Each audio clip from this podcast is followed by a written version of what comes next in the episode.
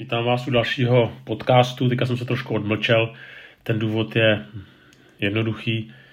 Eh, moc jsem neměl eh, sílu teďka něco vysílat, protože mě hodně pohltila ta situace, která se odehrává na Ukrajině. Eh, myslím ale, že nejenom mě. Uvědomuji si, že tohle to prožívá řada mých známých, přátel, kamarádů vlastně všech, nejenom tedy mých kamarádů. To, co se děje, je pro nás naprosto neslíchané. Viděli jsme to jenom ve filmech o válce, v dokumentárních filmech o druhé světové válce, anebo jsme viděli některé záběry ale z jiných kontinentů, ale ne takhle masivně, jako vidíme teďka na Ukrajině, tak vlastně naposledy se něco takového odehrávalo v Evropě za druhé světové války. Člověka děsí, že jeden šílenec, jeden diktátor najednou drží v hrsti vlastně celý svět, že tohle to je možné ale je to možné. A právě v těchto těch chvílích si člověk nějak víc uvědomuje, že to není jeden šílenec, jeden blázen, jeden diktátor, ale že to je naštěstí pán Bůh, který má v ruce tenhle ten svět a který nedělá chyby. A tak jakkoliv člověku naskakuje husí kůže, když si uvědomuje, že skutečně stačí, aby Vladimír Vladimirovič prostě zmáčkl tlačítko, protože evidentně tam nemá žádnou opozici a nevíme, co se v jeho hm, choré hlavě zrodí, tak ještě nad tím jeho prstem drží prst pán Bůh. A k tomu se vlastně teďka upínáme, za to se modlíme. Zároveň vidíme, že také neexistuje jenom tento viditelný svět, existuje svět neviditelný. O tom bych chtěl trošku mluvit eh, na základě textu 2. královské 6, od 8. kapitoly. Tam čteme, že kdykoliv se aramejský král chystal do boje proti Izraeli, radíval se se svými služebníky. Můj tábor bude tam a tam, nebo na tom a tom místě. Muž boží však izraelskému králi vždycky vzkazoval, dej si pozor, netáhni tímto místem, protože tam táboří aramejci. Izraelský král posílal zvědy na místo, kterému muž boží označil a předtím ho varoval, aby se tam měl na pozoru. Stalo se tak ne jednou nebo dvakrát. Ta věc pobouřila mysl aramejského krále, svolal své služebníky a řekl jim, proč mi neoznámíte, kdo z našich donáší izraelskému králi? Jeden z služebníků řekl, nikoli v králi můj pane, je to prorok Elíša, který je v Izraeli. Ten oznamuje izraelskému králi i ta slova, která vyslovíš ve saložnici. On poručil děte zjistit, kde je a já ho dám zajmout. Řekli mu je v Dotanu. Poslal tam koně a vozy a silný oddíl vojska, přitáhli v noci objel, oblehli město.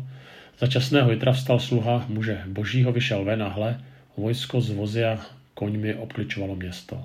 Mládenec Elíšovi řekl, běda můj pane, co teď budeme dělat? Odvětil, neboj se, protože s námi je jich víc než s nimi. Potom se Elíša modlil, hospodine, otevři mu prosím oči, aby viděl. Hospodin otevřel oči mládenci a on viděl horu plnou koní a ohnivý vozů okolo Elíši. Když se k němu Aramici začali stahovat, modlil se Elíša k hospodinu, raň tento pro národ zaslepeností. Je ranili zaslepeností podle Elíšova slova. Elíša jim řekl, to není ta cesta ani to město. Pojďte za mnou, dovedu vás k muži, kterého hledáte. A dovedli je do Samaří, ta vstoupili do Samaří, řekl Elíša, hospodine otevři jim oči, ať vidí. Hospodin jim otevřel oči a spatřili, že jsou prostřed Samaří. Když uviděl izraelský král, řekl Elíšovi, můj otče, mám je rád pobít. Řekl mu, nepobíhej. Čo, což si je zajal svým mečem a lukem, aby se pobil, předlož jim chléb a vodu, aby jedli a pili. Pak jdou ke svému pánu. Tak eh, tyhle ty příběhy, když čteme, tak se někdy zdá, že spíš by patřili na nějaký barokní obraz Elíša obklopen tedy zástupy andělů, eh, ohnivých vozů, eh, eh, nebo potom zase nepřítel, který je raněn slepotou. Ale pojďme se na ten příběh podívat ještě z bližší perspektivy. Aramejský, Aramejci byl pastovecký národ, který bojoval s Izraelci, znepříjemňoval jim život. Tady se dozvídáme o tom, jak Elíša pomáhá svému spojenci, izraelskému králi, proti Aramejcům tím, že má zjevení od Boha, díky němuž se e, tedy Izrael vyhýbá vojenské konfrontaci s tímto kmenem. Vždycky on, Elíša tedy ví, má zjevení, kam oni půjdou a tedy Izrael se vyhne. Král na to časem přijde, teda ten aramejský král, a uvažuje logicky, že v tom jeho vojsku je nějaký špech nebo nějaký agent. V té době ještě neexistovaly drony, nebo neviditelné letadla, které by to tak dělali někde z vrchu, nebo nějaké štěnice, nastražené, ale pouze agenti. Tak prostě říká, kde je tady nějaký agent, eh, nějaký ten Mossad, CIA, výzvědná služba. A oni řeknou, no je to Elíša. No a prostě eh, ten král tedy řekne, no tak ho někdo prozraďte, řekněte mi, kdo to je a já ho dám zajmout. Oni mu tedy řeknou, kde je, v Dotánu a eh, teďka vlastně oni si pro něj jdou. No tak někdy je to taky, taky v životě, že člověk se snaží, dělá bohulibé věci a ta odměna nakonec je, že ho někdo prozradí. Tak ne nás třeba, ale, ale jo, že ta odměna je, že prostě pro dobrotu na žebrotu. Někdy to tak skutečně je v církvi, ve službě, člověk slouží, snaží se, že je dobře a výsledek není odměna, pochvala, někdy spíše opozice. I tak to někdy chodí, No, král dává bizarní radu, protože jděte zjistit, kde bydlí. Ale přece ty služebníci mu jasně řekli, že prorok ví vše, i co je vysloveno v králově ložnici. Tak král tedy evidentně nepochopil, že není konfrontován pouze s Elíšou, že ještě za ním stojí hospodin. A tady právě přicházíme k důležitému rozměru, a to je ta jedna rovina příběhu. Je ta rovina, kterou člověk vidí, kterou zaznamenává kronikář, historik, ta je jasná. Ale na tomto příběhu je zajímavé ještě ten druhý rozměr, ta neviditelná rovina. Jo, to, co je naším přirozeným očím neviditelné, a to neplatilo jenom v době Elíši, ale to platí i dneska. A Bible mluví o neviditelném světě, mluví o duchovní realitě, se kterou je třeba počítat. Prostě když se pak ráno probudí ten Elíšův služebník, tak vidí aramejské vojsko, vyděsí se, jde pro Elíšu, vidí, že jde o život a tak se ptá, co budeme dělat. A e, teďka e, dostane, mm, nebo asi já bych mu poradil, no spočítej nepřátele, zváž, jestli ty nepřátelé prolomí ty hradby, pokud se někde utíct, e, něco prostě dělej. Prostě jednej prakticky, nebo bychom řekli moudře. Velmi často takhle jednáme i v církvi, když přijde nějaká taková nečekaná nebo ček, očekávaná věc, tak, tak plánujeme, myslí, myslíme strategicky. A to je dobře, Jo, prostě děláme nějaké SWOT analýzy, vyhodnocujeme situaci, prostě vycházíme z nějaké reality. Angličtina má without reality is not vitality. Jo. Bez reality není život. To je pravda. Na druhou stranu my potřebujeme se naučit vnímat ještě jednu realitu, kde nám nepostačí jenom moudrost nebo, schop, nebo SWOT analýza, nebo zdravý selský rozum, nebo zdravý úsudek, jakkoliv tohle to potřeba je, ten Eliáš nejdříve řekne neboj se a pak prosí, pane, otevři mu oči. jo, a tady u toho bych se rád zastavil, u této modlitby. Prostě ten, to neboj se z úst Elíši tak zní na první pohled tak, jak zní, protože prostě Elíša byl duchovní gigant, byl to prorok, měl mnoho zkušeností, asi se nebál smrti, byl velmi blízko Bohu, počítal s tím, hm, no, s ním tedy zažil s Pánem Bohem mnoho dobrého a nikdo nemůže pochybovat o důvěrném vztahu, který měl s hospodinem. A tak se nebál a tady to očekávali od svého služebníka. Ale to Elišovo neboj se vychází ještě z něčeho jiného. Nejenom z těch, jeho předmin, z těch jeho předešlých zkušeností, ale taky z toho, že on vidí jinou realitu. A chce, aby tady tu realitu viděl jeho služebník. Připomíná mi to trošku příběh Abrahama, když měl obětovat Izáka, tak eh, vlastně on neviděl jenom toho kozla chyceného v keři. Ale uh, vlastně Bůh ho viděl. Proto se místu, kde měl být obětován Izák, začalo říkat hospodin vidí.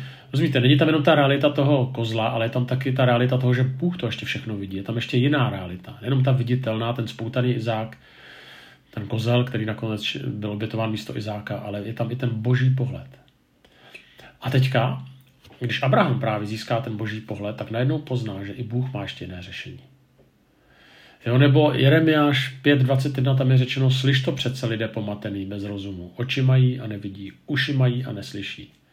Jo, a nebo Marek to potom vlastně, vlastně cituje. Jo. Oči máte, nevidíte, uši máte, neslyšíte. Ne, nepamatujete si. Jo, nebo zase skutky, taky tohle se k tomu vrací. Neboť srdce tohoto lidu otupilo, uši má nedoslýchají, Oči zavřeli, takže očima nevidí, ušima neuslyší, srdcem nepochopí, neobrátí se a já je neozdravím. Tam není vlastně řečeno, že ti lidi jsou doslova hluchí, slepí.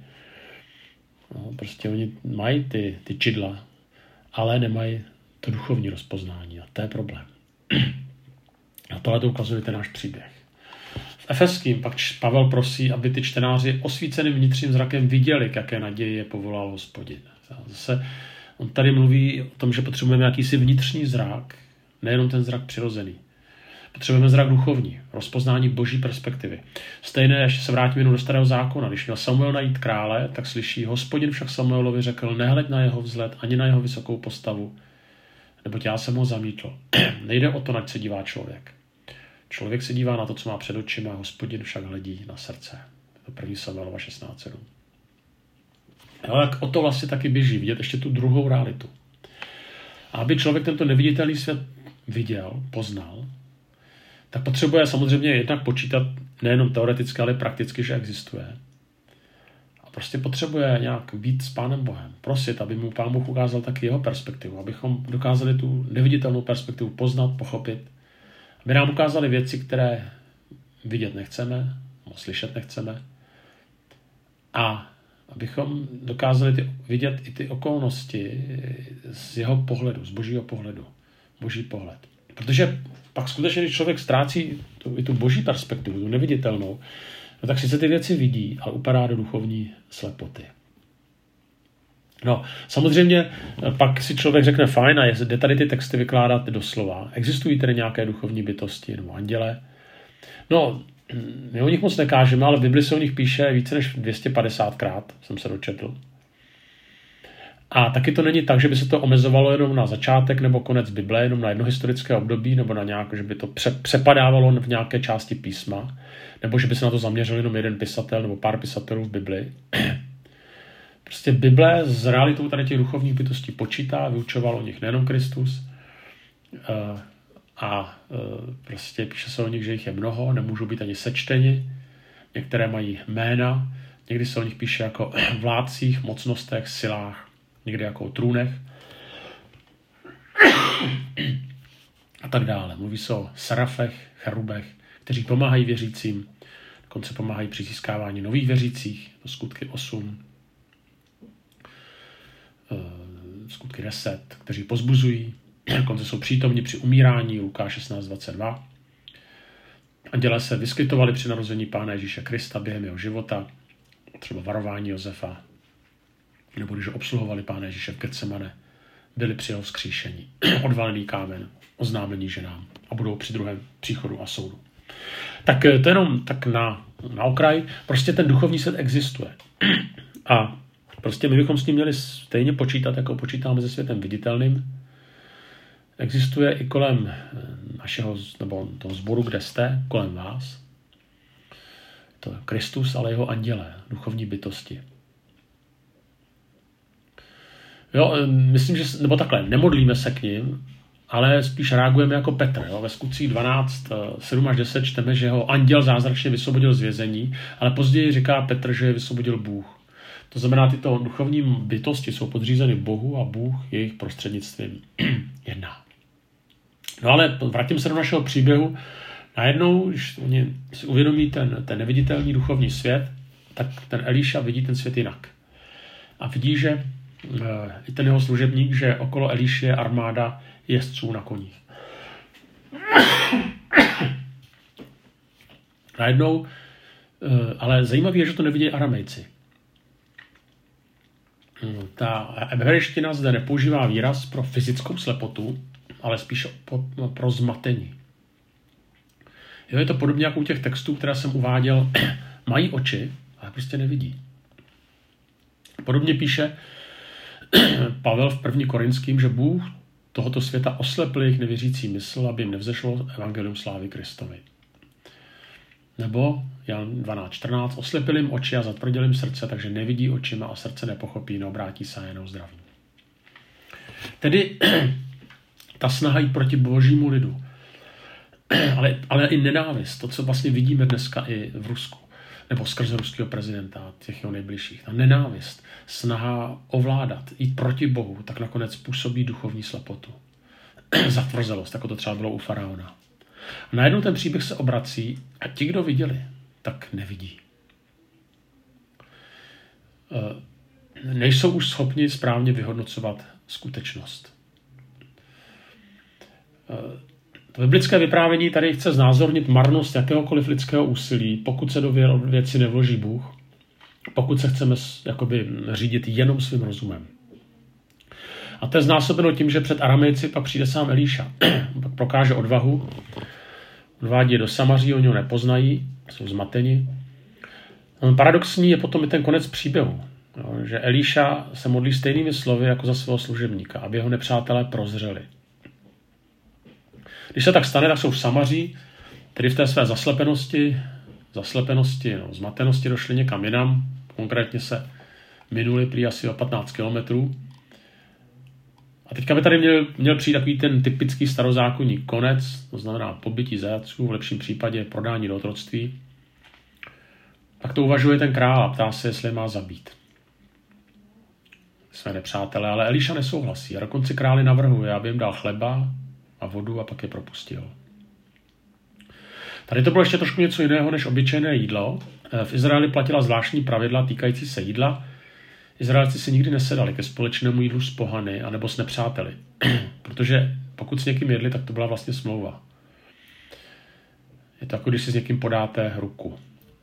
Přídle se odkládaly zbraně, člověk byl přídle zranitelný a tak si prostě nesedl k jídlu s někým, komu by nedůvěřoval. A připravit svůj stůl nepřátelským vojákům, to bylo to poslední, co by asi krále a jeho družinu napadlo. Jenže izraelský král nakonec Elišu poslechne. Dá jim připravit hostinu, nakrmí nepřátele a pak je teda nechá jít domů. Ty aramejští vojáci se loučili se životem a místo toho se vrací domů. Otázka, jak to bude dál. Asi tak, že už tyhle ty lidé do války proti Izraeli nepůjdou, protože prožili úžasnou věc, Prožili na vlastní kůži, že Bůh Izraelců je jiný, nežli všechno, co doposud znali. Je milosrdný. Ano, musíme být pravdiví, ve, staro, ve starém zákoně to není standard. Budeme tam číst i o drsných válkách. Jenže často je to proto, že lidé prostě se dostali do takovýchto hm, krutých věcí, protože prostě byli zaslepení protože neviděli věci z boží perspektivy. A pak následovala msta ta rozhoupila další mstu. A to platilo samozřejmě i v otázkách lidského života. A tak pokud nebudeme vidět vnitřním duchovním zrakem, pokud nebudeme v svět vnímat z boží perspektivy, budeme mít problémy, budeme se bát. A uvidíme to jenom z toho jednoho, z toho jednoho rozměru. Budeme odkázáni jenom na vlastní úsudek a to je málo. Tento vnitřní, eh, vnitřní zrak se dá vybudovat, pokud člověk žije v boží blízkosti. A pak nám ještě silněji bude zaznívat, nebojte se. A tak bych nám přál, aby jsme právě v této těžké době, která je velmi složitá, kdy prostě se bojíme, eh, prožíváme úzkost o své přátelé, blízké, o, o sebe, o budoucnost světa, tak abychom slyšeli to nebojte se, abychom se modlili o to, aby Pán Bůh nám dal sílu vidět to všechno kolem nás i z jiné perspektivy, té duchovní.